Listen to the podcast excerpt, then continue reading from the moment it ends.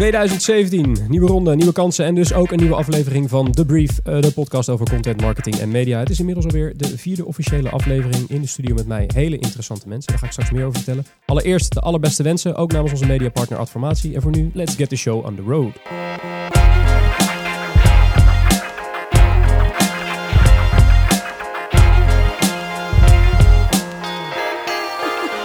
This is the brief. Goed, dan zijn we weer terug in de studio. En eh, dat betekent eh, dat ik nu de gasten ga introduceren. Eh, aan mijn rechterzijde hebben we Jeroen de Bakker. Begonnen aan bureauzijde ooit, richtte toen een eigen bureau op genaamd Key. QI. Verkocht Key na zeven jaar, ging aan de slag bij een hele mooie reeks agencies, waaronder TBWA, waar hij onder andere Director Strategy and Innovation was. Richtte daarna een bureau op genaamd Lab 1111. Eh, maakte hele mooie dingen eh, voor Heineken, KPN, ING, noem het maar op. Inmiddels CMO Brand en Online bij Talpa Radio. Hij geeft les op Universiteit van Groningen. Adviseert legio-partijen, waaronder Born of 5. En dat doet hij voornamelijk over digitale transformaties. Daar gaan we dan ook met hem over praten. Hallo Jeroen. Goedendag. Goedendag. Heel goed. Zonder tijdsnotatie. Helemaal geschikt voor podcast. Aan mijn linkerhand zit eh, zoals gewoonlijk met zijn zachte stemgeluid mijn vriend, mijn... ehm, ja, ik mag geen Nestor meer zeggen, maar mijn mentor, above all mentors. Jero- of, eh, Frank, eh, hoi. Dag Mark, goedenavond. Gaat het goed, Frank? Het gaat heerlijk, ik heb zin in deze aflevering. Heb je goede voornemens? Eh, ja, vandaar dat er water voor mij staat en niet het gebruikelijke flesje Heineken. Betekent dat dat je minder soepel gaat praten deze aflevering? Dat zal de tijd, dit uur gaat dat uitwijzen. Oh, tof. Jeroen, eh, je, je liet net kort vallen dat jij eigenlijk een beetje aan de vooravond hebt gestaan van eh, commerciële podcasts in Nederland. Kan dat? Eh, ja, dat klopt. Ja. Nou ja, mede dankzij eh, nou, het woord Heineken valt wederom. wederom. Nee, in 2004, eh, toen eigenlijk de podcast nog bestond uit het luisteren van een eh, podcast op je iPod. Volgens mij, als ik Ja. het goed heb. Toen hebben we een keer inderdaad een klein geluidsfoutje op het internet gezet met daarbij het woord eh, podcast. Eh, wat eh, leidde tot enorm veel ophef. CNN belde, de New York Times, iedereen belde Heineken. En de reden waarom er zo op werd gereageerd was omdat mensen dachten van hé, hey, er is kennelijk een commercieel model te, te koppelen aan het fenomeen podcast. Ehm, en dat heeft een hoop doen op, hoe heet dat, oplaaien eh, destijds. Opschudding. op, hoop, op, voor een hoop opschudding gezorgd. Wat, ik. Was, eh, was Adam Curry blij met je? Nee, die was niet zo blij, omdat ja, hij noemt zichzelf natuurlijk terecht ook, want hij heeft ook langer volgehouden dan ik, de potvader. Eh, en hij was er ook al mee bezig. Alleen het feit dat, dat het voor het eerst door een commercieel bedrijf werd gedaan, dat maakt het echt nieuw. Tof. Eh, en nieuws. Dus, eh, dus daar was hij niet helemaal blij mee destijds. Cool. Nou, we hopen dat je als ervaren rot in de podcastwereld eh, de kwaliteit van deze podcast kan waarderen. En dan gaan we nu naar het nieuws. Yes, zoals iedere aflevering van de brief bespreken we drie nieuwsitems. Eh, het eerste nieuwsitem komt naar ons toe via slate.com. Ehm, het is alweer van vorig jaar, maar het had een dusdanige impact dat wij dachten, nou we doen hem toch lekker in het nieuwe jaar nog een keertje. Ehm, Zoals je misschien op sommige sites hebt gelezen, eh, halen een hele hoop mensen hun nieuws van Facebook. Dat was vorig jaar aan het eind van het jaar enorm veel consternatie, want mensen waren solely eh, afhankelijk van hun nieuwsconsumptie, consum- consumptie, moet ik zeggen, eh, via Facebook. En heel veel artikelen ehm, refereerden daarbij naar research van de Pew Research Center. Dat berichtte dat 44% van de Amerikanen nieuws louter en alleen via Facebook zou consumeren. Dat was niet alleen de New York Times die erover schreef, maar ook Fox. En ook in Nederland schreven de Metro, NRC, Telegraaf, allemaal over dat chockerende cijfer. Want hoe, hoe kan dat nou? En dat is een gevaar voor eh, de journalistiek. Ehm, maar daar is Sleet even ingedoken in dat research, eh, in, in dat research rapport. En wat blijkt nou? Ehm, het zijn helemaal niet zo heel erg veel mensen. In dat onderzoek geeft 67% van de ondervraagden aan Facebook te gebruiken. Van alle Amerikanen. 66% van de mensen zegt ja op de vraag of ze nieuws consumeren via Facebook. Eh, van afhankelijkheid of eh, ja, pure consumptie van nieuws staat er eigenlijk niks. Dus ze zeggen gewoon simpelweg: ja, ik zie wel eens nieuws op Facebook. Punt. Betekent dat dan dat 44% van alle Amerikanen louter en alleen afhankelijk is van Facebook als het gaat om nieuwsconsumptie? Ik denk het niet. Zeker niet als je iets verder leest in het onderzoek. Want daar staat dat 18% zegt dat ze hun nieuws vaak van social media halen. Dus de vraag wordt gesteld: haal je vaak je nieuws van social media? En 18% zegt ja. Dus dat geeft eigenlijk aan dat het cijfer redelijk onder druk staat. Ehm, en ironisch is, genoeg is dit dus een soort fake news over fake news, Frank. Ja, ik vind het heel verbazingwekkend dat juist traditionele media met dit bericht komen. Eh, we hebben heel veel eh, gehoord over fake news, inderdaad. Eh, en vervolgens is er geen enkele check op de cijfers die gepresenteerd worden. En doet het het voorkomen alsof eh, 44% van de Amerikanen enkel hun nieuws via social media binnenhaalt. Uh, en dit rapportje van uh, wat Sleet met ons deelde, zegt mij heel veel. Uh, als ik naar mezelf en mijn eigen mediaconsumptie kijk, dan haal ik bijna dagelijks nieuws van social media af. Twitter als belangrijkste kanaal daarin. Um, en ik heb toch het vermoeden dat ik daardoor in aanraking kom met juist heel veel traditionele nieuwsmedia die via social media weer met mij worden gedeeld. Um, dus het, het hele verhaal met uh, de angst voor mensen die, uh, die social media als enige bron hebben. Ja, speelt eigenlijk een stuk minder dan dat de traditionele media ons de afgelopen periode hebben proberen te doen geloven. Juist. En, en voor de duidelijkheid, hiermee zeggen we niet dat de algoritmische verzuiling helemaal niet bestaat. Die bestaat zeer zeker wel. Maar laten we cijfers alsjeblieft interpreteren zoals ze bedoeld zijn. Um, de, van de, de, de, eigenlijk het hoofd van die Pew Research Center is ook ondervraagd door Slate.com. Uh, um, en hij, gaf inderdaad toe dat enkele cijfers uit zijn rapport in de media volledig uit zijn verband waren gedrukt. Dus um, ja, nou goed, laten we hopen uh, in verbetering van het gedrag van de journalistieke internationale media in het vervolg. Want anders raken we in paniek om niets. het tweede nieuwsitem van vandaag gaat over Microsoft en Cortana. Frank. Ja, dit uh, nieuws komt via Search Engine Land bij ons en verwijst direct door naar de site van Microsoft. Het is niet de eerste keer dat we in deze podcast best positief zijn over deze reus van wel eer en dit keer dus Cortana. Uh, Cortana is de virtual assistant of voice assistant van Microsoft. Waar Apple haar Siri heeft, Amazon Echo of beter bekend bij consumenten Alexa, daar heeft Microsoft Cortana. Wat heeft Microsoft gedaan? Ze hebben aangekondigd een third-party SDK-strategie te gaan voeren. Uh, simpel gezegd, een soort van open source. Um, kort gezegd komt het er ten eerste op neer dat iedereen Cortana kan gaan gebruiken als virtual assistant op hun device zonder dat je daarvoor langs Microsoft hoeft voor toestemming. En ten tweede dat iedereen vrijelijk applicaties door Cortana kan gaan ontwikkelen. Uh, kleine side note overigens, applicaties op virtual assistants schijn je skills te moeten noemen in plaats van apps. Dus mocht je dat woord de komende maanden veel gaan tegenkomen, je hoorde het hier. Anyway, um, voice assistants, the next big thing in techland en dus nog niet VR of AR. En dat bleek ook wel als je de verslagen zag van de net afgelopen Consumer Electronics Show in Vegas. Uh, een goede positie in voice is essentieel voor tech companies. Het is eigenlijk essentieel in een connected home. En naar mijn idee is dit echt een super slimme zet. Um, wat Microsoft heeft gedaan is feitelijk gewoon heel goed gekeken naar de lessen van rivaal Google. En hanteert hier simpelweg de strategie die Google voor Android had. Uh, voor het versnellen van hun virtual assistant. Um, het gevolg, alle partijen die niet de resources hebben om zelf een virtual assistant te ontwikkelen, zullen met Cortana gaan werken in hun devices. Gevolg, Cortana wordt heel snel heel veel groter. Frank? Ja. Ik heb een, uh, ik heb een vraag.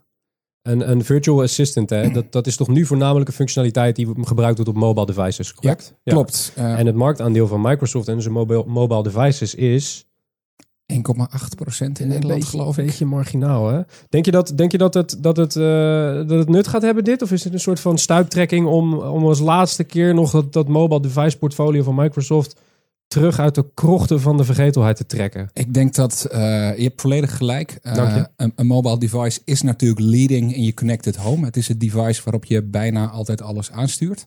Uh, dat gezegd hebbende, um, ten eerste maken ze hier nog een kans in de mobile device markt. Ten tweede, um, als de mobile device daarmee of op termijn niet meer het belangrijkste apparaat is in je connected home, dan hebben ze in ieder geval een marktpositie ingenomen die ze anders simpelweg geen kans in zouden hebben. Um, en ik denk dat dit eigenlijk, eigenlijk een stukje, ja, hoe zal ik het zeggen, slimme growth hacking, mag ik dat zo noemen, Jeroen, is van Microsoft. het moet nog blijken natuurlijk of het tot growth lijkt, maar het is in ieder geval een, eh, een strategie om in een markt waar ze, denk ik, anders moeilijk uh, aan de bal komen, nog een klein beetje kans te maken. Ja, plus dat Microsoft natuurlijk nog wel leading is op het gebied van desktop. Um, en wellicht dat voice op desktop gebied wel een sprong gaat maken nog. Uh, dat zou natuurlijk kunnen. Uh, maar je noemde hem net al, Frank. ik denk dat een veel interessantere ontwikkeling op het gebied van voice onze grote vriendin Alexa is. Of de, de, Amazon Echo, om het zo maar te noemen. Die op de Consumer Electronics Show echt nou, overal bijna te zien was. Er waren mm -hmm. applicaties en integraties hier, daar en overal. Je kon met, je, met je koelkast praten tot aan, je, tot aan die, die, die praatcel. Um, is Amazon wordt volgend jaar de, een van, nou, wordt het grootste bedrijf ter wereld. Dat kan je nu wel een soort van uitschetsen. Uh, is dat niet een voorsprong die, die ze op voice hebben met die, met die grote winkel erachter? Is dat, dat is toch een voorsprong die helemaal niet meer goed gemaakt kan worden, lijkt mij? Um, nou, dat laatste vind ik een wat verstrekkende conclusie. Maar uh, dat ze nu een leap nemen en dat ze uh, echt een voorsprong gaan nemen, dat lijkt me duidelijk. En dus denk ik ook dat dit de enige strategie is die Microsoft kan bewandelen om überhaupt nog een kans te maken. Uh, en in de slipstream daarvan um, gaan ze natuurlijk ook Bing nog eens een keertje een tweede kans geven. Ja. Want ja, als jij met Cortana werkt, dan zal Bing daaraan gekoppeld zijn. Klopt. En niet Google. Ja. Dus het is zowel voor hun telefoon als voor Bing een soort van last chance. En het is in deze nieuwe markt van virtual assistants uh, een kans. Um, dus ik denk dat Microsoft hier heel goed gekeken heeft naar wat Google in het verleden heeft gedaan. En um, ja, ik, ik, ga niet zo heel erg lang terug als het gaat om software development. Um, hoe kijk jij tegen deze stap van Microsoft aan, Jeroen? Is dit echt een nieuwe manier van werken voor een partij als Microsoft? Ja, dat denk ik wel. Ik uh, moest pas heel hard lachen, want ik zag een filmpje waarin ze lieten de Echo praten met een iPhone. En die iPhone die praatte weer tegen een Google-telefoon. En die Google-telefoon praatte weer tegen de Echo. En ze begrepen elkaar. Dus, en ze begrepen elkaar. Dus ja. misschien is dat wel de toekomst. Dat, het gewoon, uh, dat, het, dat ze met elkaar gaan communiceren. Human interactie ja. wordt er helemaal tussenuit ja. geknipt. Ja, ja, ja, ja, ik denk het wel, ja. ja. Grappig. Ja, want je zit een beetje in de stemmenindustrie natuurlijk eigenlijk, hè, bij Tappa Radio. Je zit ook een... Uh, ja, maar uh, deze heb ik nog niet... Uh, ja, ik ben net begonnen, maar deze heb ik nog niet langs horen komen. Doe je zelf veel met voice in je, in je privéleven? Nou, ik heb nu voice op mijn laptop. Uh, Siri, maar daar moet ik nog even aan wennen, moet ik zeggen. Ja. Uh, uh, maar ja, ik, ik denk wel dat het handiger is natuurlijk om dingen met voice aan te sturen dan in te tikken of, of op een scherm aan, aan, te moeten raken. Dus nee, ik geloof er zeker in. En zeker hè, waarom natuurlijk een echo goed gaat werken, denk ik, is omdat het natuurlijk gelijk gekoppeld is aan een winkel. Ja. en we hebben natuurlijk allemaal dat we thuis lijstjes maken voor producten die we niet moeten vergeten ja, als je dat gelijk tegen apparaat kan uh, zeggen en uh, morgen is, is, uh, is je, zijn je supplies weer aangevuld, ja. ja dan is het zo'n praktische toepassing. Die zie ik meer zitten dan het op zoek gaan naar een programma in mijn computer nu. Wat misschien als je gewoon snel het intikt toch beter werkt dan wanneer Siri je drie keer niet begrijpt. Ja, ja in die zin zou die, die open, open source of die third party strategie die Microsoft nu voert met de Cortana best wel interessant kunnen zijn.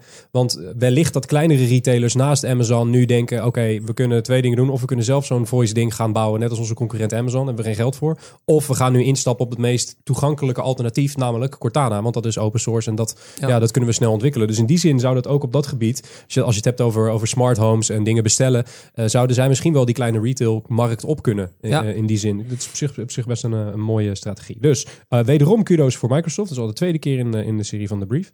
Uh, maar iemand moet het doen. Uh, het derde en laatste nieuwsitem van, van deze editie komt via, naar ons via adweek.com. Um, dat gaat over Polaroid. De bekende fotootjesfabrikant. Um, die hebben namelijk enorm gescoord met Social Native. En dan hoor ik u denken, wat is Social Native? Nou, dat ga ik straks uitleggen.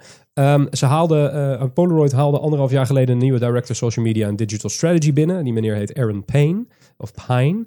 Um, en die begon direct met het werken met Social Native. Socialnative.com, dat is een, een marketing uh, service eigenlijk. En wat zij doen is, zij uh, bieden merken de kans om in plaats van geld uit te geven aan één influencer, dus je betaalt, uh, weet ik veel, een ton aan mevrouw Kylie Jenner, besteed je datzelfde geld en de techniek van Social Native zet dat uit onder heel veel influencers van een wat kleinere schaal. Dus in plaats van dat je iemand, één iemand met 1 miljoen volgers hebt, krijg je datzelfde bereik. Um, ze claimen, Social Native, dat ze 14 miljoen content creators in totaal hebben. Die geven ze ongeveer 250 tot 500 dollar per post. Uh, de hoogte van het bedrag hangt af van de gerichte vraag van de, van de merken. Want naar het zeggen van Social Native kan je naar Social Native toestappen en zeggen: Ik wil uh, dat meisjes in Boston met blond haar en een bruine Labrador uh, voor een scherm gaan staan met een blikje cola in hun hand. Zo gericht kan de opdracht uitgezet worden. Nou, hoe gerichter de opdracht is, te hoger je, je moet betalen. Um, die meneer Payne heeft dat doorgevoerd bij Polaroid. Die is daarmee gaan experimenteren. Um, met als resultaat dat hij soms uh, een, een spike van 180% in zijn sales zag. En dat ging dan voornamelijk over uh, het cameraatje wat, uh, wat Polaroid heeft, heeft gemaakt. Um, nu is een beetje de vraag: is dit, is dit iets nieuws, Frank? Is dit iets wat, ja, wat, wat hier in Nederland ook wel hoge ogen kan gooien? Wat, hoe moet ik dit zien? Um, ja, ik zie dit als een hele tijdelijke oplossing. Ik denk echt dat dit een tussenstap is. We hebben het hier over een soort van, om even wat termen achter elkaar te plakken, programmatic paid user-generated content. Boom. Um, en ik denk niet dat dat een lang leven um, voor zich heeft. Uh, enerzijds, uh, het, het, voordeel is natuurlijk, in plaats van dat je een campagne krijgt met één campagnebeeld die je op een heleboel plekken ziet of die heel veel mensen zien, krijg je hier een heleboel variaties op een campagnebeeld. Dat is absoluut een uh, voordeel. dat betekent dat ik mij niet heel snel aan een campagne ga storen, dat ik daar variaties op zie. Dat is hartstikke leuk. dus aan die kant denk ik dat het tijdelijk een kans heeft. Ik denk alleen dat het, het, lastig is om dit sustainable te houden. Enerzijds omdat als er te veel van dit soort mensen in mijn tijdlijn zitten, dan ga ik ze op een gegeven moment muten, unfollowen, maar in ieder geval niet meer meenemen. De authenticiteit van de user-generated content gaat weg, want het is peet geworden. Uh, anderzijds denk ik, als dit gaat gebeuren, je bent feitelijk een soort van hack aan het plegen op een sociaal kanaal. En ik denk zelfs dat het afbreuk doet aan het kanaal wat dit toestaat. Want als uh, mijn Facebook feed, wat nu uh, ten dele paid content is en ten dele organisch echte content van mijn vrienden. Uh, als die vrienden ook nog eens paid gaan worden, dan komt er een punt waarop ik denk, rot maar lekker op met je Facebook. En dan haak, haak ik af. Dus ik denk ook dat de Facebooks van deze wereld op termijn dit in hun algoritme ook niet heel erg fijn gaan vinden en gaan belonen. Uh, dus ik denk dat het, dat het meer een tijdelijk trucje is dan een, uh, een stap waar we in de toekomst nog veel van gaan horen. Ja, ja, vooral het punt wat je maakt over die geloofwaardigheid is volgens mij heel interessant. Want iedereen die hier dus aan meedoet is per definitie al ongeloofwaardig, want ze doen hier aan mee. Uh, dus als ik nooit Coca-Cola drink en je ziet mij ineens met een blikje Coca-Cola op een foto staan, dan volgens mij snijdt het per definitie, welke uiting het ook is. Jeroen, hoe zie jij, hoe zie jij zo'n construct? Is het, is het volgens jou iets nieuws of is het, wat, wat moet ik hiervan vinden? Nou ja, ik denk dat wel een slimme hack is kennelijk. Hè? Want het, het werkt nu. Ja. Maar of, of het, uh, ja, als iedereen het gaat doen, nog werkt, uh, bevalt natuurlijk uh, nog.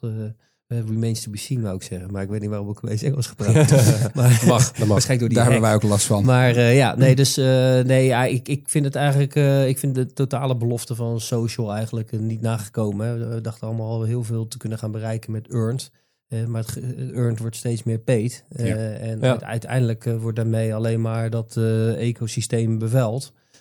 wat hopelijk, en dan zeg ik hopelijk omdat ik denk dat anders mensen heel de dag uh, kennelijk uh, reclame zitten te consumeren. Maar wat, wat waarschijnlijk toch toe leidt dat mensen het minder gaan doen, wat weer niet werkt. Dus uh, de, de balans tussen brengen en halen moet wel er blijven dat het ook nog een beetje authentiek en echt en, ja. en, en, leuk, en leuk blijft, ja. denk ik.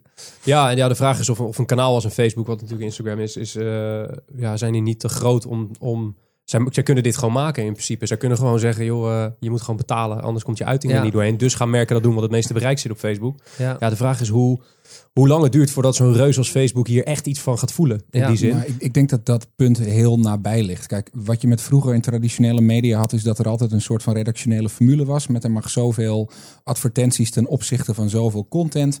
Uh, als het aantal advertenties toeneemt, moeten we dus ook meer content maken. Want anders is, is de verhouding uit balans. En uh, The Zak heeft recentelijk eindelijk voor het eerst toegegeven dat hij een soort van uitgever is.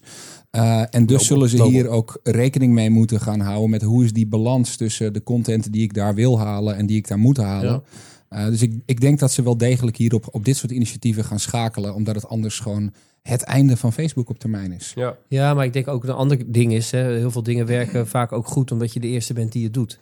Kijk, als iedereen dat straks gaat doen, Precies. Uh, ik, ik, ben er echt van overtuigd dat de boodschap en merk op uh, overdracht op social zo extreem laag is. Mm -hmm. de, dat er uh, ook weer een moment komt waarin allerlei marketeers denken van nou dat content marketing was een leuk idee. Maar het heeft gewoon veel te weinig opgeleverd. Er zijn gewoon kostefficiëntere manieren om de doelstellingen te behalen. Mm -hmm.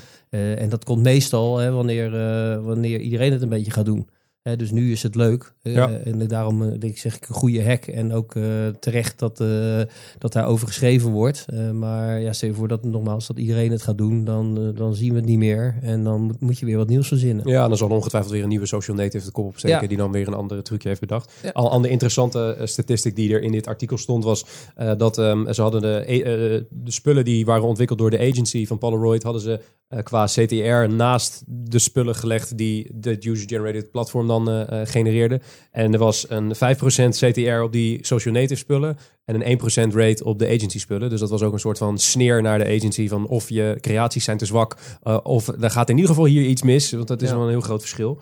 Ehm, maar het zal een kwestie van tijd zijn dat of ja, iedereen dit gaat doen of dat Instagram of Facebook dit gewoon zelf gaat aanbieden als advertentietool. Dat zou ik ook nog helemaal geen, geen gekke optie vinden als ik heel eerlijk ben. Ehm, tot zover het nieuws. Ehm, dan gaan we nu naar het interview.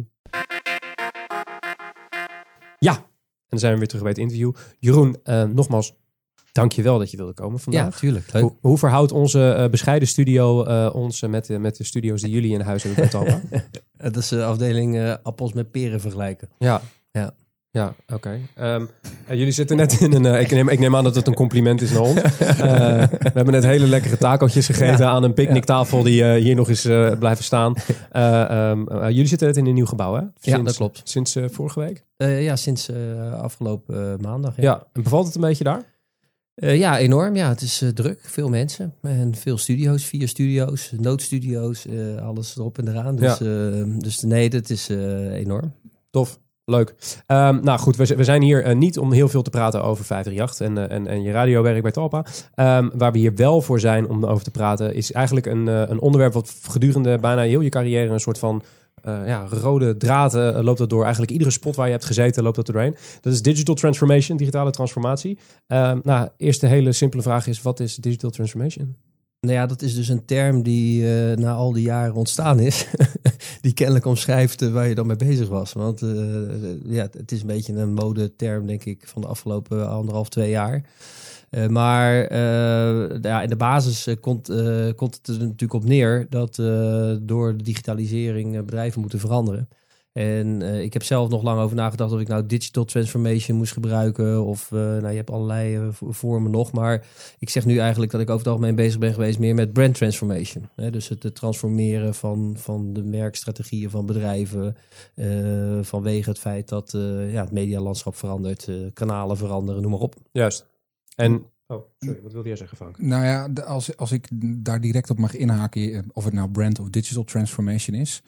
Eh, als je daar stukken over leest, we hebben ons een beetje proberen in te lezen. We zijn er natuurlijk al een paar jaar, worden we ermee doodgegooid.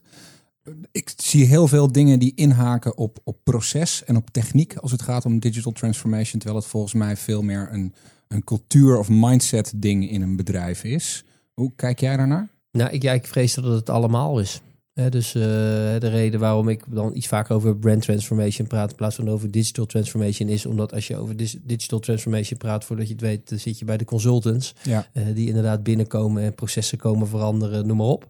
Eh, maar het gaat natuurlijk ook over vaak het vinden van nieuwe verdienmodellen. Mhm. Het gaat natuurlijk ook vaak om nadenken dat misschien de concurrentie opeens uit een hele andere hoek komt. do- doordat dingen ander, anders kunnen. Of dat er andere spelers komen die, die het op een andere manier doen. Dus, dus het is denk ik het hele eh, eh, scala. Eh, Ja. Maar ja, daarom moet je ook een beetje focussen. Hè, want eh, ja, het is, al, het is per definitie al een con- containerbegrip. Mhm. Eh, maar ehm, eh, het, raakt, ja, het raakt natuurlijk alles. En, en cultuur is daarbinnen denk ik ook een heel belangrijk ding. Zo niet misschien de belangrijkste. Ja, zie, je- zie je ook dat ehm, binnen die transformatie vaak zit men dan te veel op die eh, eh, processen en toepassingen eigenlijk, hè, in, in plaats van cultuur. Is dan cultuur, om, om jou te onderscheiden als adviseur, is dan cultuur ook hetgene waar jij je als eerste op gaat richten? Is, is er een eerste stap die generiek is in dat proces? Nou nee, ik denk, dat- ik denk dat ehm, eh, bij mij het vaak wel begint vanuit ehm, eh, nadenken over eh, een, een, een, een, een, een, ander medialandschap. waar je als merk anders moet positioneren en waar je ook op een andere manier een relatie aan kan gaan met je klanten. Ja. Daar, daar begint het vaak. Hè? Dus toch met ja, ja, hoe, hoe, hoe, moet je het, hoe moet je het anders gaan doen? En dat eh, in het implementatiestuk natuurlijk een heel belangrijk gedeelte te maken heeft met, eh, met cultuur. Ja. Eh, is evident. Maar cultuur ligt ook weer dicht tegen werkwijze aan. Be- Betekent dat ook dat je per definitie een mandaat van de board moet hebben om zo'n proces te kunnen veranderen? Of, of kan dat ook vanuit een andere positie in een organisatie? Nee, ik denk, dat, ik denk dat we inmiddels wel in de fase zitten dat het top-down moet. Mhm. Ehm, ja, je kan soms natuurlijk best lang onder de radar dingen doen eh, die eh, afwijken van hoe het eh, ging. Ja. En dan proberen om de succesjes te boeken en uiteindelijk voldoende bewijsvoering te hebben om, om dan breder in de organisatie wat meer draagvlak te krijgen. Dat is, dat is een aanpak.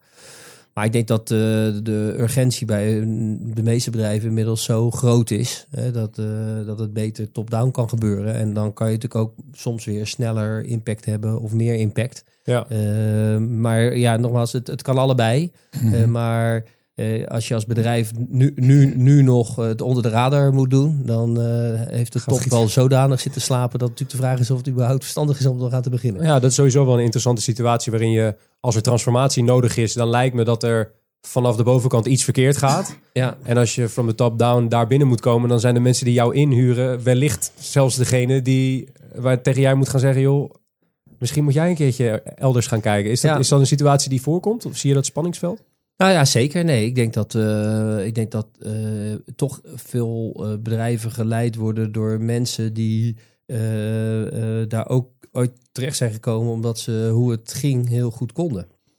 En dan is het natuurlijk best wel vaak lastig om hele andere soort processen in te zetten of de boel op zijn kop te zetten. Ja. Voor, voor veel mensen is dat toch lastig. Ja. En, en het is denk ik zeker binnen bedrijven die moeten transformeren. Natuurlijk ook essentieel dat je ook nog goed op de bestaande winkel past. En niet eh, alleen maar met nieuwe dingen bezig gaat zijn. Dus, eh, dus eh, uiteindelijk, eh, ja, eh, het is een balancing act. Ja. Is er iets, is er iets wat, wat vrijwel alle partijen die, die aan die transformatie toe zijn onderschatten? Is dat dat cultuurdeel? Is- Of is er iets anders waar men... Eh, nou, ja, misschien wel het cultuurding, ja. Ja, ja dat denk ik wel. Ik denk dat eh, strategie ontwikkelen is vaak niet zo moeilijk. Eh, plannen maken ook niet. Eh, maar dan gaat het natuurlijk uiteindelijk om eh, welke beslissing neem je elke Mhm. dag. Een paar, paar keer. Ja. En, en val je daarin terug in hoe je het altijd deed? Of maak je bewust keuzes om het anders te doen met de hoop dat het ook leidt tot een ander resultaat? Ja, en ja, adviseert een he- hele hoop, nou ja, adviseert een hele hoop verschillende soorten partijen. Ehm, is dat zo dan, jij brengt het advies uit, je zegt, deze processen moet je aan, aan denken, deze, dit moet je aan cultuurverandering brengen. Is er, een, is er een periode waarin jij ook weer terugkomt om te kijken of de, boel, of de, of de, trein nog steeds de goede kant op, op gaat? Of, Nou, dat ligt een beetje aan je rol. Soms eh, word je natuurlijk binnengehaald om in een bepaalde fase versnelling te brengen in een denkproces eh, of in een planvormingsproces. Maar er zijn uiteraard ook eh, wel eh, bedrijven die het fijn vinden dat je af en toe weer even terugkomt om te kijken van waar staan we dan Ja. en, eh, en gaat het nog naar, naar wens? Moeten we het aanpassen? En want uiteindelijk is natuurlijk ook eh, de truc, denk ik, om sneller te leren. Eh, en, en, Mhm. en snelle dingen aan te passen. Ik eh, heb ooit het verhaal gehoord van een eh, beleggingsfonds in Frankrijk, van, van AXA, de, de verzekeraar. En die investeerde alleen in beursgenoteerde bedrijven waar de founder nog CEO was. En de simpele gedachte achter die beleggingsfilosofie was dat er werd gewoon zeven keer sneller een beslissing genomen. Waardoor je nog eerder fouten kon maken. En dan en met ondanks fouten was je nog sneller dan je concurrentie die heel Slim. dag zat te vergaderen. En dus ik denk dat het vooral ook te maken heeft gewoon met, met snelheid, met feedback, met, met leren. Hè? En eh, ja, je doet gewoon heel veel dingen. En of het wordt een succes of je hebt wat geleerd. ja. Eh, en, en dat is natuurlijk toch anders dan, eh, denk ik, in veel bedrijven eh, het geval is.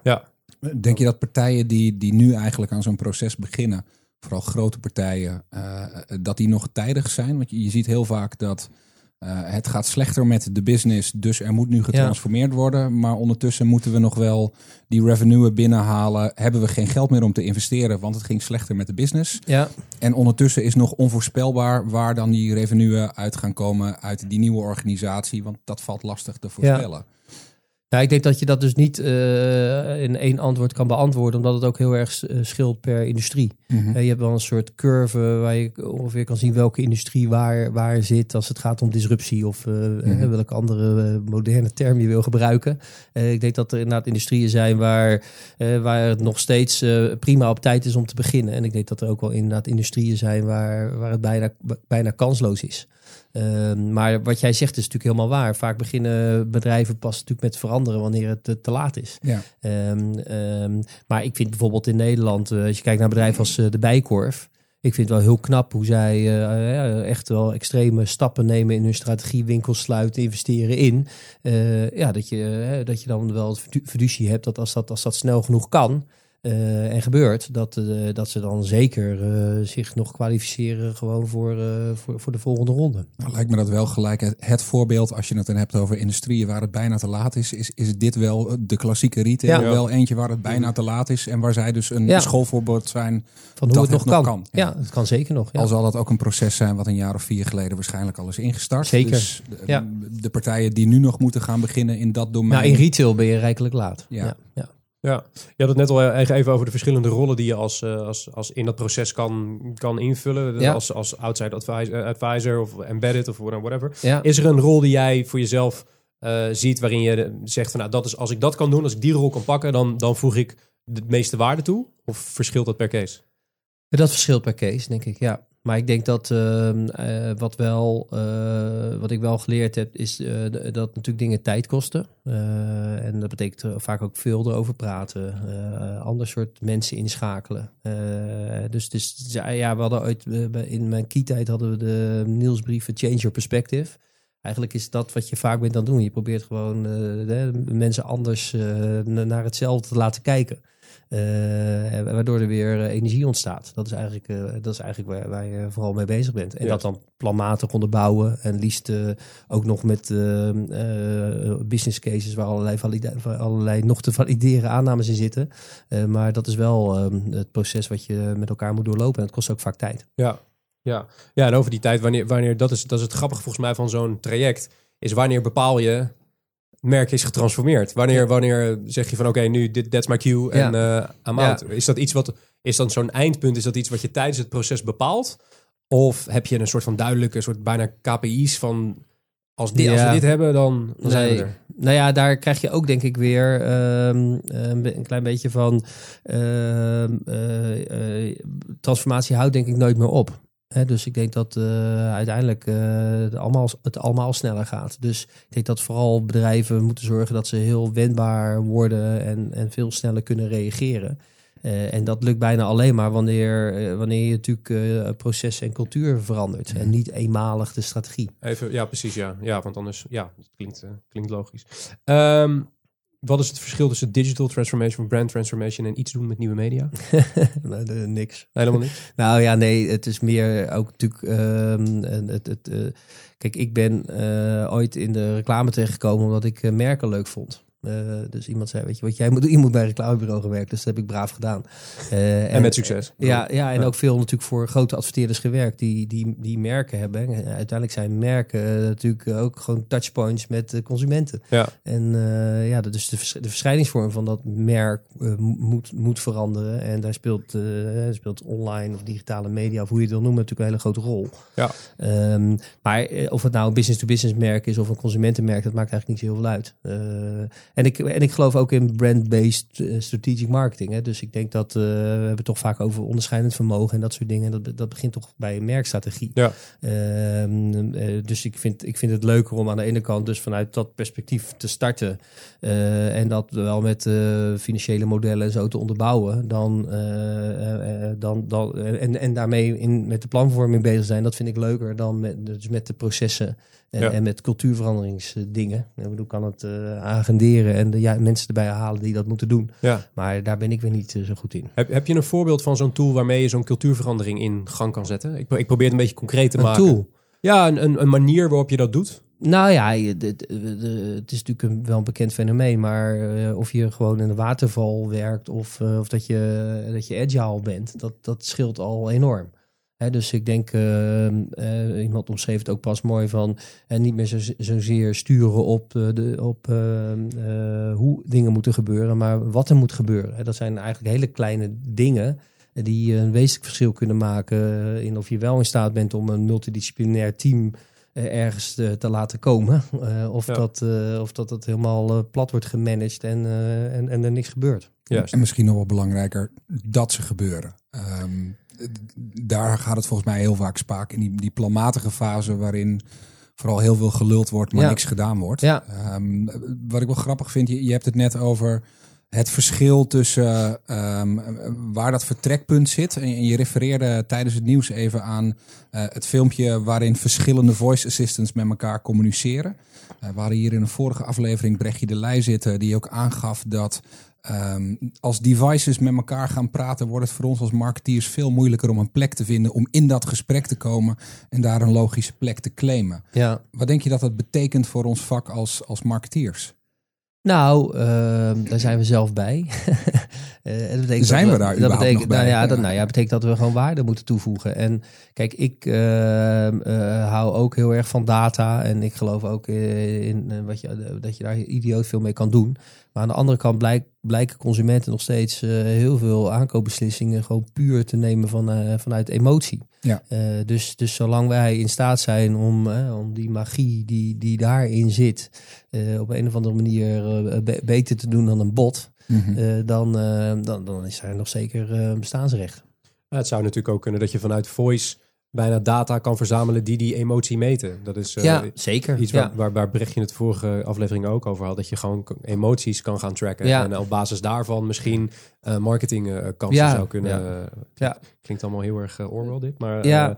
Nou Ja. nee, maar ik denk dat ehm, ehm, eh, wat, ik, wat ik heb geleerd van technologie is dat aan de ene kant gaat het soms sneller dan je denkt, maar het gaat ook vaak ook wel weer minder snel dan je had gehoopt. ja. En vanuit eh, de, in, in technologie geloven. Dus, dus, dus dat soort dingen zullen er heus wel op termijn komen. Maar eh, voorlopig is er nog voldoende te doen, eh, denk ik. Ja, en over, over snelheid en technologieën, je refereerde er net al een beetje aan, een, een hack. Eh gisteren tweette je over de elf goede voorbeelden van growth hacking. Ja, Wat is growth hacking? ja growth hacking is eh, denk ik eh, eh, eh, proberen om op een slimme manier eh, eh, groei te genereren die ook eh, schaalbaar is. Heb- Kan je ons meenemen in een van die voorbeelden? Ehm, nou ja, ik denk dat in heel veel eh onboarding-achtige processen zitten natuurlijk vaak trucjes om ervoor te zorgen dat, de dat de conversie omhoog gaat. Eh, maar eh, ja, wat, je, ik zie al- allerlei voorbeelden, maar het zijn vaak hele kleine dingetjes. Waar die tweet over ging, Ja. was bijvoorbeeld wat partijen als Hotmail en Google hebben gedaan met je krijgt nu een gratis account, maar hier nodig ook even een vriend uit. Ja, Uh, wat, wat als een incentive aan je vrienden voelde, maar ondertussen ben je gewoon iemand lid aan het maken. ja, Volgens mij zit het hem daar heel Ja, sterk ja, ja. in. Dat, dat je dat soort kleine, bijna, ehm, ehm, ja, ik wil, ik wil een woord gebruiken dat ik niet ga gebruiken, maar Ah, Ehm, in, in bedekte termen je eigenlijk mensen er, erin luist om andere partijen of andere vrienden ook lid te maken. ja het gaat vaak om viraliteit Ja. eh, of eh member gets member-achtige dingen.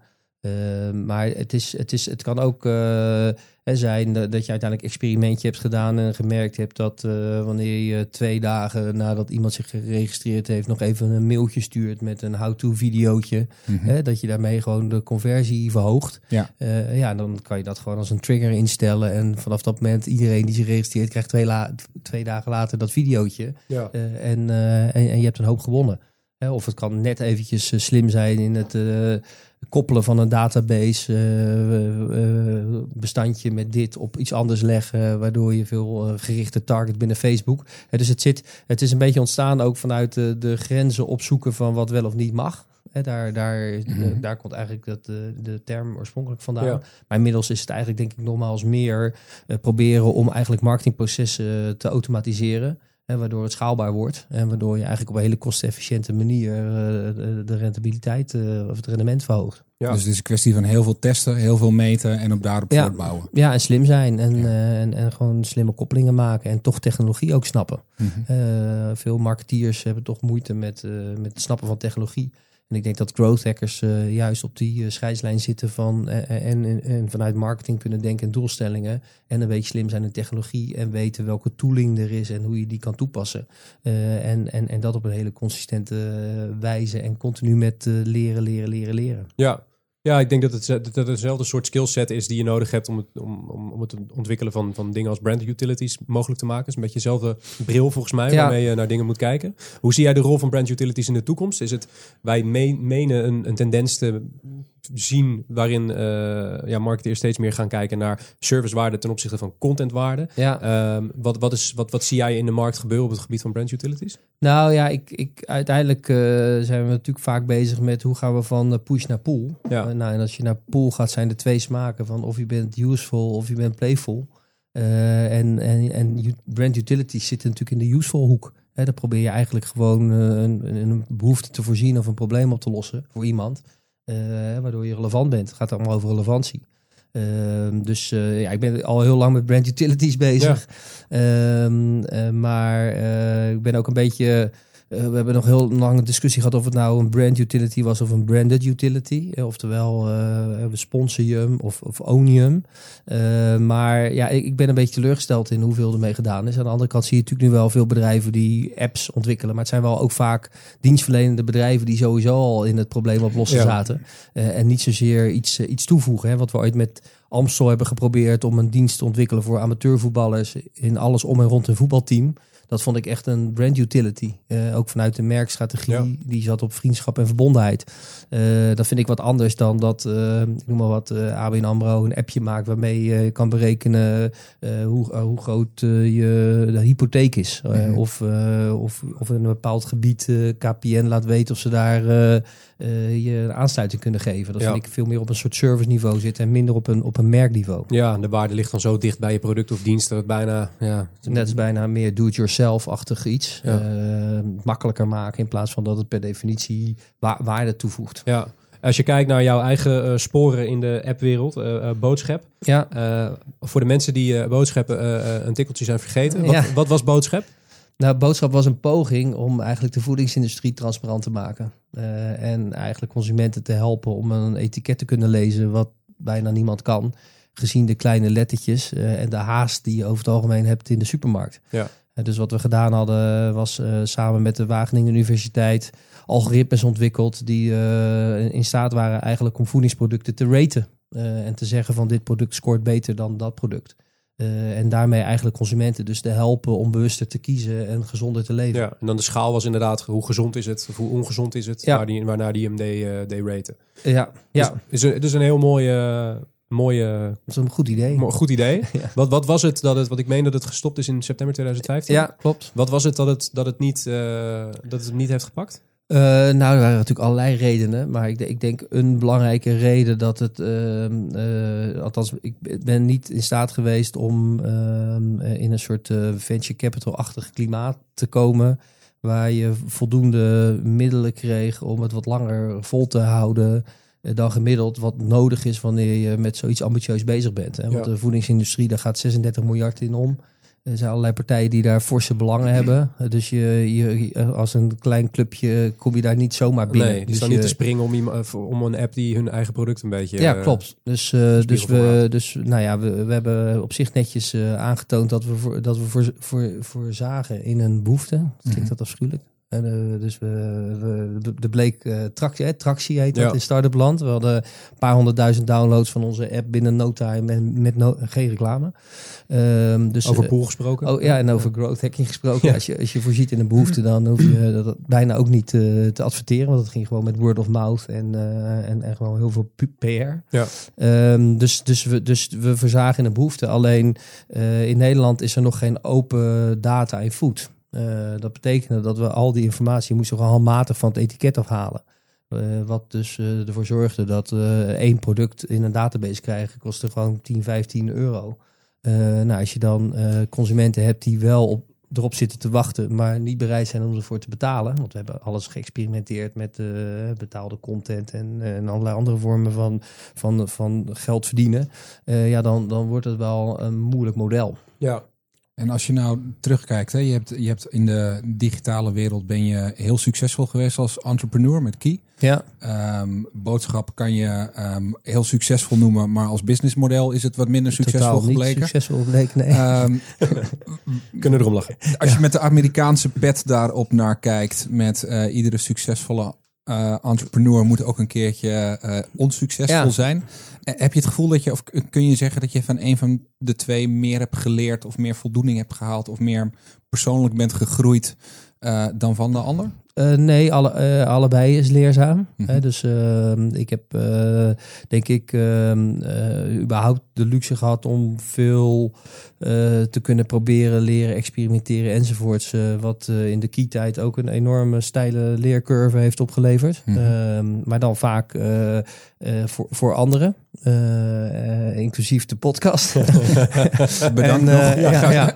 En, ehm, eh, maar ik denk dat mijn leercurve met boodschap minimaal even stijl is geweest, zo niet nog steiler. Omdat eh, eigenlijk als dingen niet zo heel erg goed gaan, eh, moet je nog meer focussen, eh, nog eh, harder werken, eh, nog creatiever zijn, nog meer gaan growth hacken, eh, om uiteindelijk toch te proberen je doel te, te bereiken. Eh, dus eh, nee, ik, ben, ik ben wel er, teleurgesteld natuurlijk over het feit dat het niet gelukt is. Mhm. Eh, laat eh, daar geen misverstand over ontstaan. Zeker ook omdat ik nog nooit iemand ben tegengekomen die heeft gezegd van dat het een slecht idee is. Ja. Hè, dus het idee is gewoon goed. Alleen we zijn niet in staat geweest, ondanks investeerders als Rabobank en mensen en echt grote partijen, om het naar de markt te krijgen. Ehm, maar dat, ik denk dat dat ook überhaupt in Nederland lastig is. Hè. Ik denk dat er in Nederland is er genoeg family en friends geld. eh, of angel money, dat, dat, dat heb je zo opgehaald. Er is veel schaalgeld. Hè. Ik denk als je eenmaal je verdienmodel hebt en je wil doorknallen, dan, eh, dan staan de VC's eh, aan, je, aan je deur. Maar het stuk ertussen, wanneer het, eh, het friends en family geld op is en de massa is nog niet bereikt en het verdienmodel is nog niet helemaal in zicht. Ja, dat is in Nederland gewoon een, een, behoorlijke graveyard. En ja, daar zijn we gewoon gestruikeld. En ik ben blij dat ik het geprobeerd heb. Ehm, eh, ja, en ontzettend veel geleerd, ja. Een tussen tafellaken en servetachtige ja. ja, wal en schip.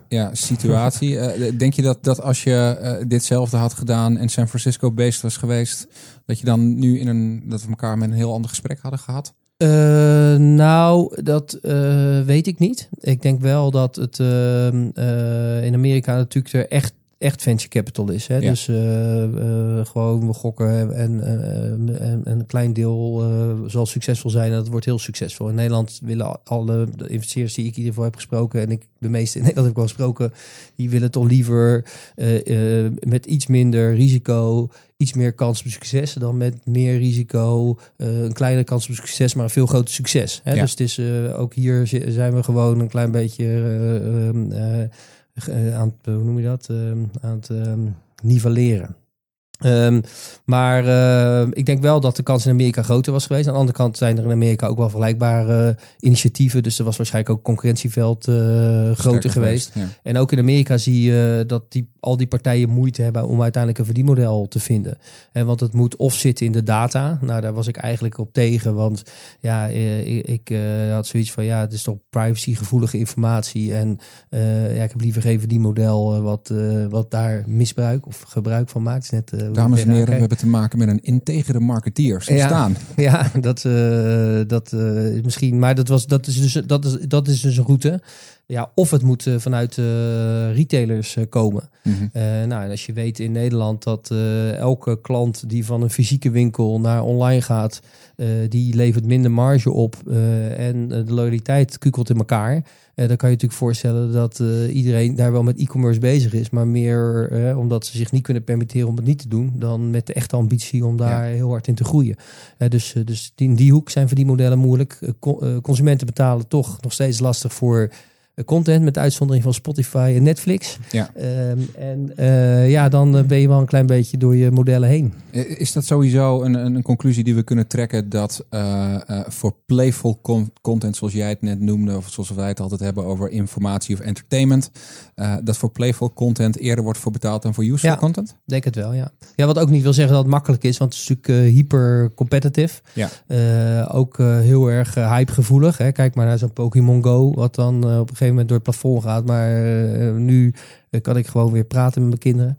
Dus het is weer overgewaaid. Dus eh, nee, dus het is, eh, eh, ja, volgens mij is het wat ehm, eh Annette Ares, die vaak in het FD schrijft, wel een keer heeft gezegd van ja, of je moet een blockbuster hebben. Mhm. Hè, dat zit meer eigenlijk aan de entertainmentkant. In één keer knallen, hit enzovoort. Ja, of je moet het verdienen in de, in de longtail. Ja. Maar ja, dan moet je wel natuurlijk een goed model hebben. Wat, wat, wat ook uiteindelijk geld oplevert en, en, en is. En die longtail is het probleem niet, maar het verdienen is vaak het probleem. Ja, verdienen in de longtail eh, heb, je, heb je schaal voor nodig. Ja. En ik denk dat wij wel een nadeeltje hebben dat we een klein landje wonen wat dat betreft. Hè, dus ik- kijk, als je eenmaal een model hebt dat werkt in Amerika, dan gaat het gewoon natuurlijk eh, vele malen harder. Of in China, of in Duitsland, of in Frankrijk, eh, dan, dan hier. Dus schaal, schaalmodellen zijn gewoon lastig. Helder. Zo, in koor. Nou, dat lijkt me een hele mooie afsluiter van het interview. Eh, maar niet voordat wij de vaste slotvraag hebben gesteld. En dat is Jeroen, eh, wat is de beste content die je de afge- afgelopen tijd gezien hebt? Het mag van alles zijn, films, boeken, presentaties. Eh, nou, ik had eigenlijk eh, drie eh, mag. dingetjes wilde ik Tuurlijk. noemen. Graag zelfs. Ehm, ik, en ik begin eh, eh, gewoon bij een tv-commercial. En nou, jullie kunnen hem in de show notes zetten. Ja. De, de, film waar ik veel plezier aan heb beleefd is ehm, de film Be Heard. Eh, die is van eh, Dr. Dre. Ehm, gemaakt door Anomaly. Eh, en nou ja, je moet maar eens even kijken als we het hebben over emotie, wat daarin zit. Echt, echt fantastisch gedaan. Dus, en die is natuurlijk ook op YouTube al x miljoen aantal keer Ja. bekeken. Dus het is wel een tv-commercial, maar het is natuurlijk ook gewoon een, een, een film die eh, eh, de moeite waard is om te bekijken. het is een En, eh, tvc voor Beats by Dre, de ja, koptelefoon. ja, de, eh, ja, ja, dus ehm, eh, ja, fantastisch, eh, fantastische. Het is gewoon, maar een gewone ouderwetse tv-commercial. Ja. Niks mis mee. Ja. Ehm, dus dat was eigenlijk één. Twee kwam ik gisteren tegen, vond ik ook heel leuk, de Don Bot.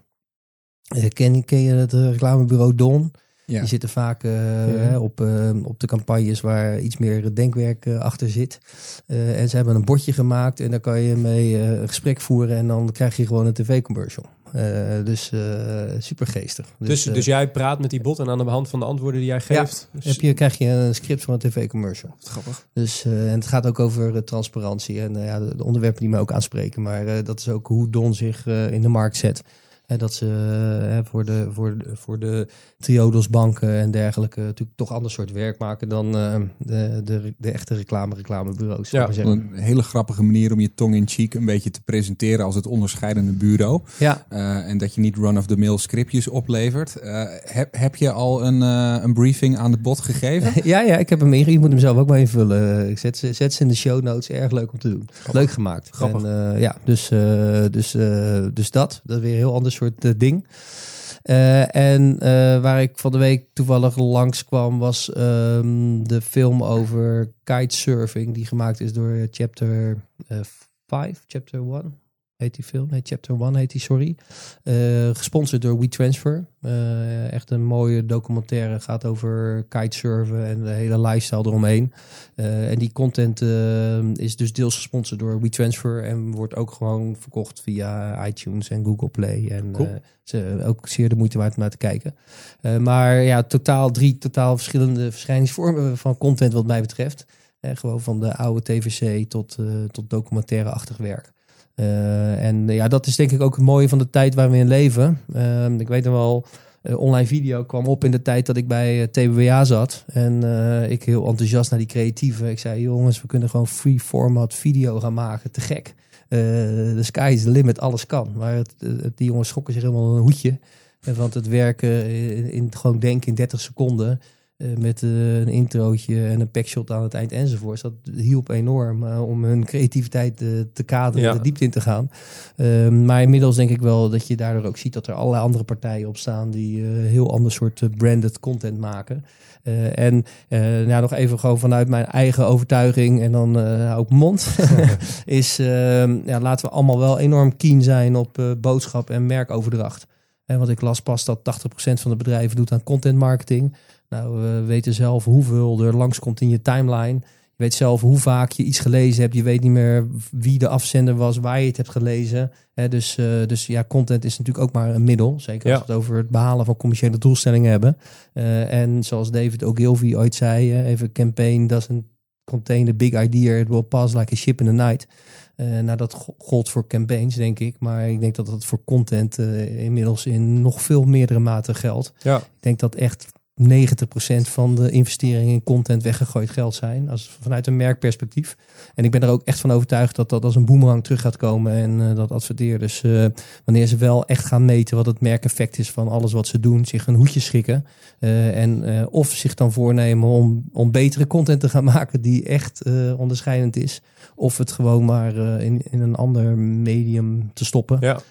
Want uiteindelijk, ja, het gaat toch om eh, commerciële communicatie. En eh, ik denk dat we een beetje zijn doorgeslagen. Ja, nou ja, wat, wij, wat wij heel veel zien in het veld, wij zijn natuurlijk een content marketingbureau. Maar wat wij heel veel zien in het veld is, omdat content marketing zo'n hype was, sprong iedereen op de bandwagon en begon ineens zonder strategie allemaal dingen te maken. Precies. Met als resultaat één, groot, één grote omgeving van, nou, sommigen noemen het de content, eh, de content bubbel of de content, nou, er zijn allemaal woorden voor. Ehm, en wij zien nu vooral dat er vanuit merken een soort behoefte komt van, oké, maar vertel ons nou wat het moet gaan doen. Ja. En vertel, nou- vertel ons nou eens eh, welke middelen we daarvoor moeten gaan gebruiken. Maar het Ehm, zou natuurlijk handiger zijn als dat merk zegt wat het moet doen. Ja. Toch? Eh, want uiteindelijk begint ja. het natuurlijk het liefst wel bij een doelstelling. ja, Nee, ik, ik pak hem ook graag daarop waar je het hebt over, eh, want dat is iets wat, wat preaching to the choir is hier in deze studio. Meet het door op merkniveau. Ehm, je ziet nu dat het veel te veel op, op, op short-term metrics zit. Ja. Ehm, en ja, dat is eigenlijk gewoon helemaal niet zo relevant wat deze post voor je heeft gedaan. Maar wat heeft het in de long run voor je merk gedaan? Ja. Eh, en content zie je nu ook, en dat is ook de discussie die wij veel voeren. Je ziet het veel als, als campagne worden ingezet eh, daar waar daar het medium lang niet altijd geschikt voor is. Eh, en, en die, die ja, misplaatste manier van het inzetten is denk ik waar het fout gaat. Eh, en zoals Mark zegt, ook waarom te veel partijen er te snel op duiken en, en niet gedegen bezig zijn met wat betekent dit nou op brandniveau voor mijn merk. Zeker. Ja, daar ben ik helemaal mee eens. Kijk eens, in deze volledige eh, overeenstemming eh, beëindigen we het interview. Eh dankjewel Jeroen voor je tijd. Graag gedaan. Het enorm dat je de tijd hebt gevonden om hier te komen. Ehm, dan zijn we bijna aan het einde van deze iets wat langere aflevering. Ehm, daarom niet minder interessant. Dat betekent dat we nog het rubriekje hebben. We hebben namelijk één rubriek en dat is de Slow Win Quick Loss. En deze aflevering eh, is de slow win voor Frank. Want ik mag weer een keertje negatief doen. De slow win is eh, een, eh, een betoogje, of in ieder geval een, een prijzing van een partij, een merk, een individu die het de afgelopen twee weken goed heeft gedaan. Frank. Ja, mijn slow win gaat naar Gary Vaynerchuk. Ehm, hij had een blogpost in december genaamd Document Don't Create. Creating content that builds your personal brand. Gar- Gary Vaynerchuk is bekend geworden doordat direct nadat hij afstudeerde hij de slijterij van Zavaro overnam. Dat deed hij nogal succesvol door een eh, agressieve e-commerce strategie, maar vooral door heel slim zijn eigen Wine Library TV te starten op YouTube. Uh, en nadat hij dat bedrijf uh, groot heeft gemaakt, is hij nu ook eigenaar van Vener Media, een succesvol media- en contentbedrijf. Um, in deze blog, Document Don't Create, is de hoofdboodschap van Gary dat de meeste mensen bij het opzetten van een personal brand veel te weinig content produceren en veel te veel bezig zijn met de productie in plaats van met het vastleggen en delen van hun ideeën. Wat hij feitelijk zegt is: show, don't tell, documenteer steeds wat je doet. Nou, daarna komen er wat cijfertjes uh, waar ik het niet helemaal mee eens ben. Gary heeft het over dat als je een personal brand wil opbouwen, dat je minimaal 6 à 7 Instagram stories per dag moet plaatsen naast al je andere kanalen. Dat lijkt mij alleen voor fulltime influencers haalbaar. Maar zo lees ik zijn column ook niet. Uh, het gaat me meer om de algemene les die hij overbrengt. Leg gewoon vast wat je doet, waar je voor staat en welke beslissingen je neemt. En doe dat vervolgens regelmatig en zonder opsmuk. Um, de blog is wat mij betreft een oproep tegen overproductie. Het is een oproep voor transparantie. En het is vooral een oproep het risico te nemen een keer een uitgeleider te maken, omdat je jezelf bent. Um, ja, als je dat samenvat kun je eigenlijk gewoon zeggen dat is het pad dat in social media land al jaren wordt gepredikt, maar nog steeds veel te weinig wordt bewandeld. En als je dat op corporate content legt, dan kun je eigenlijk zeggen dat het een schreeuw is om meer echte hub content. En dat is wat het zo aansprekend voor mij maakt. Um, het is het advies dat wij heel vaak geven. Zorg nou dat je eerst je hygiene op orde hebt. Ga daarna vooral aan de slag met frequente en eerlijke hub content. En later kan je nog eens gaan nadenken over die duur betaalde epische hero video. Um, ja, durf kwetsbaar te zijn, uh, durf eerlijk te zijn, uh, durf niet te veel langs je legal teams en je persvoorlichters te gaan. En dan kan je heel snel heel succesvol worden. Uh, en wat ik vooral mooi vond, um, Gary laat gelijk zien hoe hij zelf goed met content omgaat. Onder deze blog recyclede hij een video uit augustus. Die had ik toen eventjes gemist. Hij duurt 22 minuten en ik heb hem dit weekend wel zitten te bekijken. Nou ben ik niet altijd even enthousiast over hoe Gary spreekt. Uh, ik weet niet of jullie hem wel eens uh, gevolgd hebben, maar het is een beetje alsof je naar Charlie Sheen kijkt nadat hij een sessie bij Tony Robbins heeft gehad. het is heel Amerikaans. Uh, maar als je in deze video daaraan voorbij weet te kijken, dan zegt hij echt heel veel zinnige, zinnige dingen over dat het gaat om de executie en niet om het plan. En als je al een plan hebt, dat je hem dan in ieder geval wel in business goals moet weten te vertalen. Dus mocht je met een business idee rondlopen of de ambitie hebben om influencer te worden, um, of als je denkt, hey, ik trek het van personal branding naar algemene branding, kijk dan vooral deze video van Gary Vaynerchuk. Boom de slow van deze week naar Gary Vee. Uh, sowieso een aanrader om te volgen. Als we het hebben over iemand die zijn personal branding volledig op orde heeft, dan uh, is Gary een heel goed, uh, goed voorbeeld. Dan een hele snelle quick loss van deze week. Die gaat namelijk over een hashtag. En hashtags zijn altijd kort, dus dit betoog is ook heel kort. En het gaat over een hele lange hashtag. Ik zat in, de, in de tram gedurende mijn welverdiende kerstvakantie. en toen reden wij langs een abri. En op die abri stond een hele mooie dame met een flesje in haar hand. in een beetje sepia kleuren. Dus ik dacht, ha, een parfumerie abri. Want die zien er allemaal hetzelfde uit. die was in dit keer niet van een uh, vreemd merk, maar van Chanel nummer 5, wat volgens mij het meest bekende parfum is van de wereld. En daaronder stonden twee hashtags, namelijk één hashtag Chanel nummer 5 en de tweede hashtag, die nog wat groter afgebeeld stond, was You Know Me, You Don't. Als hashtag. Dat zijn punt 1 heel veel karakters. Uh, punt 2 stond hij onder de naam van het meest bekende parfum ter wereld. Dus waarom laat je dat niet? En punt 2 moet een hashtag altijd context bieden bij je verhaal. Het moet een boodschap overbrengen die je niet in je uiting stopt. Een bepaalde helderheid. Daar gaat het om bij een hashtag. En nu ben je Chanel. Je hebt die meest bekende parfumnaam ter wereld. En dan moet je zo'n monster van een zin gaan laden in plaats van die prachtige bedrijfsnaam. Had nou in plaats daarvan gewoon Chanel nummer 5 geladen. Dan had je best wel een mooie boodschap gehad. Iets wat nou ja, gewoon helder is en normaal. En nu staat er You Know Me, You Don't. En die is, ik heb het gecheckt op Instagram, zo'n 56 keer gebruikt in een global campaign. En van die 56 uitingen waren er ongeveer 25 in 56 landen. In 56 landen. En waarschijnlijk ook nog allemaal van de PR-meisjes die op de events uh, pakketjes uitstonden te delen. Het is zo jammer. Het is zo uh, uh, ja, zonde van een merk als Chanel. mijn conclusie is: de hashtag in deze vorm moet dood en wel zo snel mogelijk. Dat was dus de Quick Loss, de Quick Loss Nationaal. Um, dat betekent dat wij aan het einde zijn gekomen van de vierde officiële aflevering van de Brief. En de eerste van 2017. Zeker niet de laatste, want over twee weken is Xavier van Leeuwen te gast. Hij is Director Marketing en Data bij NRC Media.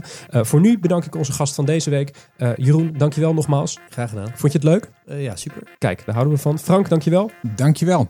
Um, heb je je biertje gemist? Uh, nee, uh, Good Company behoeft geen alcohol. Kijk, oh, wat een ontzettende slijmer is het toch. Uh, in, deze outro bedanken we um, ook nog onze mediapartner Adformatie. Heb je nou iets um, gehoord in deze aflevering van je denkt, daar zou ik meer over willen weten of ik wil dat inspirerende filmpje zien waar Frank het net over had. dan kan je dat opzoeken in de show notes. Die staan op wayneparkerkent.com slash podcast. Dan zegt, dan zegt u wat een lange URL. Nou, die staat dus ook gewoon mooi klikbaar in de beschrijving van deze podcast. Dus kan je gewoon lekker in je appje opzoeken. Um, vind je deze podcast fantastisch? Waarschijnlijk wel. abonneer je dan eventjes. Dat kan via iTunes of via iedere andere grote podcast-app uh, die je hebt. En we zijn ook nog eens te vinden op Soundcloud. De brief wordt zoals elke editie gemaakt door The Agency. Dat is het creatieve content marketingbureau van Wayne Parker Kent. Um, de productie is zoals elke keer in de handen van de onvolprezen Kevin Eiken. Die heeft geen microfoon, maar die gaat wel wat zeggen. En de, en, en, de, en, de, en de redactie is zoals elke keer in de handen van Robin Barends. Die heeft ook geen microfoon, maar die gaat ook wat zeggen. Een speciale dank deze aflevering voor Bart Visser, Matthijs Tielman en Thomas Rozenkamp. En mijn stem is bijna weg. Mijn naam was Mark Schoones. Tot de volgende keer. Dankjewel.